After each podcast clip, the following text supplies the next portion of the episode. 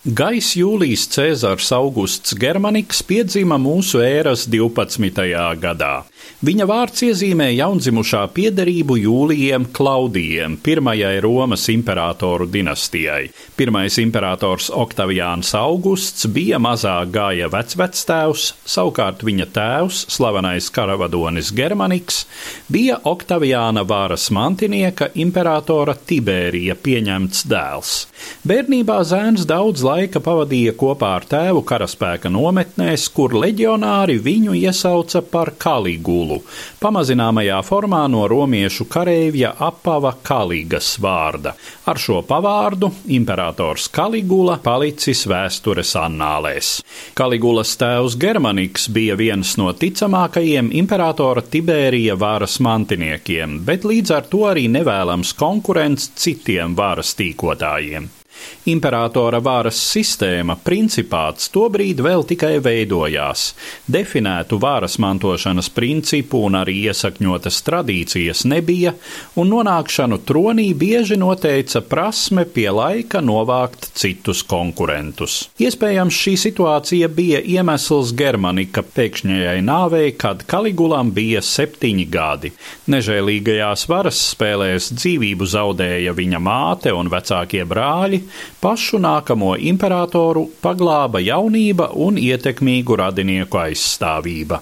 Viņš bija 19 gadus vecs, kad imperators Tibērijs jaunekli pēkšņi pārveda uz savu pastāvīgo mītni Kaprisalā. Iespējams, valdnieka lēmumu pietuvināt sev jauno radinieku noteica tas, ka viņa paša dēls bija pāragri miris, savukārt vienīgais mazdēls vēl pārāk jauns imperatora varas nastai. Jaunais Kaligula prata pārliecināt valdnieku par savu uzticamību, tajā pat laikā iedibinot draudzību ar ietekmīgo pretoriāņu gvardes komandieri Neviju Sutoriju Makronu.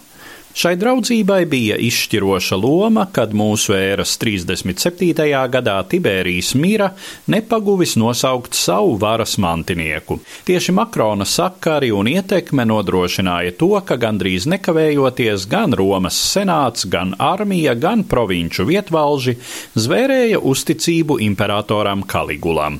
Pēc Tibērija, kuru romiešu vēsturnieks Plīnijas vecākais nosaucis par drūmāko no vīriem, Kaligula Regulā kā senatori, tā Romas tauta saskatīja teju vai ideālu valdnieku, un viņa pirmie darbi šķitā apstiprinām šo reputāciju. Tika atcelti daudzi Tibērija laika represīvie likumi un daži nepopulāri nodokļi, amnestēti un galvaspilsētā atgriezti trimdā izsūtītie, izmaksāti pabalsti trūcīgajiem. Pirmo reizi kopš imperatora Oktaviāna laikiem tika atkal publiskotas atskaites par valsts tēriņu tēriņiem. Tomēr jau dažus mēnešus pēc nākšanas pie varas Kaligula smagi saslima, iespējams tika saindēts. Pēc atlapšanas, spriežot pēc antīko kronistu vēstītā, viņa uzvedība mainījusies. Bailēs no sazvērestībām viņš atgrūdis no sevis visus Romas aristokrātus, pret daudziem tika vērstas nežēlīgas represijas. Vairāki autori pat tēlo Kaligulu kā vaiprātīgo, neapvaldīti baudkāru, izvirtušu, patoloģiski izšķērdīgu un sadistisku. Katrā ziņā jau pēc dažiem Kaligulas varas gadiem sazvērestība pret viņu nobrieda arī tuvāko līdzgaitnieku lokā. Tās priekšgalā nostājās pretoriāņu gvardes prefekts Kasīs Hereja. Mūsu ēras 41. gada 24. janvārī, kad valdnieks pēc teātra izrādes pa pazemes galeriju devās uz savu rezidenci, viņam uzbruka sazvērnieki, nogalinot ar 30 zobenu dūrieniem. Tā savu dzīvi beidza pēc skaita trešais Romas imperators Gais Cēzars, saukts Kaligula.